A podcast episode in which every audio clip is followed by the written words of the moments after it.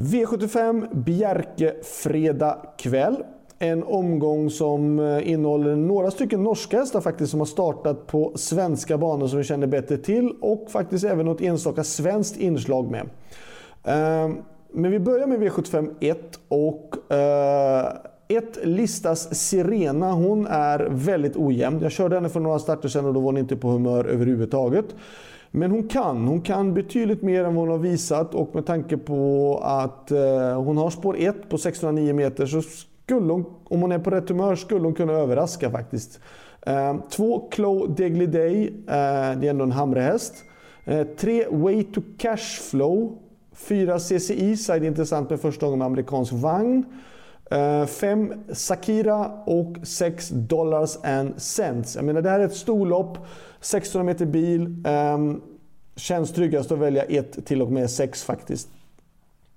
V75 2 är nummer 5 Birkestövern, stor favorit och uh, absolut jättefin häst. Uh, men det finns andra bra spikförslag och Eh, jag tycker att till exempel 9 Alm Andaman är intressant och nummer 11 Alm Kevin. Intressant att Åsbjörn Tengsared ska gå upp och köra den. Det är visserligen bara sträcka till 4% just nu. Men jag väljer att plocka med den ändå. Jag tycker att det, ja, det kan vara intressant. Så att femman ska ju självklart rankas etta, men där bakom 9 och 11. V75 3. Eh, 7 Freedom. Eh, och sen 11 Hope, Hopes Castell, Hopus Castell och 12 Matador. Så att 7, 11 och 12. Eh, inga bra spår, men inte heller något sådär jätteimponerande lopp tycker jag. Och de här som är mest intressanta ändå på förhand. Eh, 7, 11 och 12 tycker jag. Eh, 12 till exempel, den Matador glömde jag säga här nu. Den vann ju på Färjestad eh, näst senast, gjorde ett väldigt bra lopp då.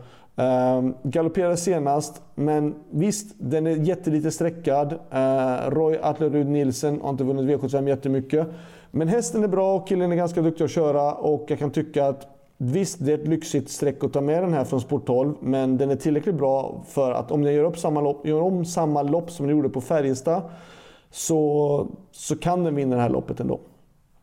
V75 4, 12 Princess Olivia.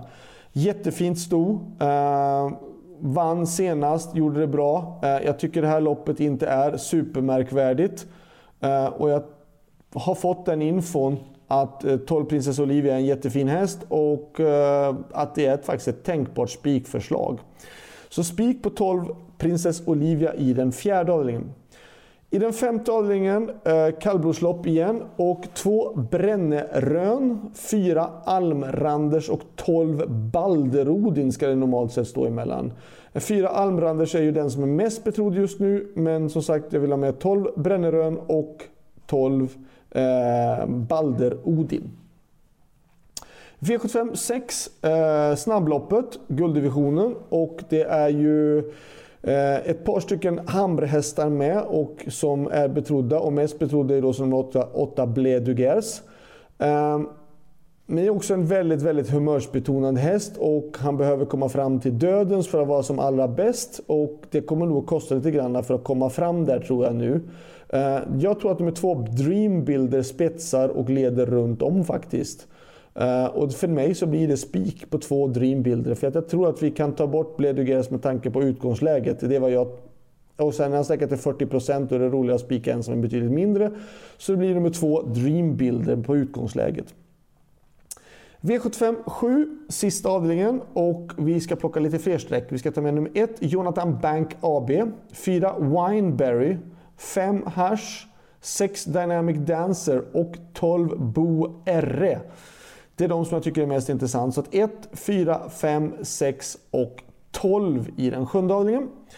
Så det var allt. Glöm nu inte bort Grande Finale på självaste eh, nyårsafton på Axvalla. Eh, finalen på Winterburst på V75 och eh, jättefina pengar att spela om och en superintressant, jättesvårt tippad V75-omgång skulle jag vilja säga också.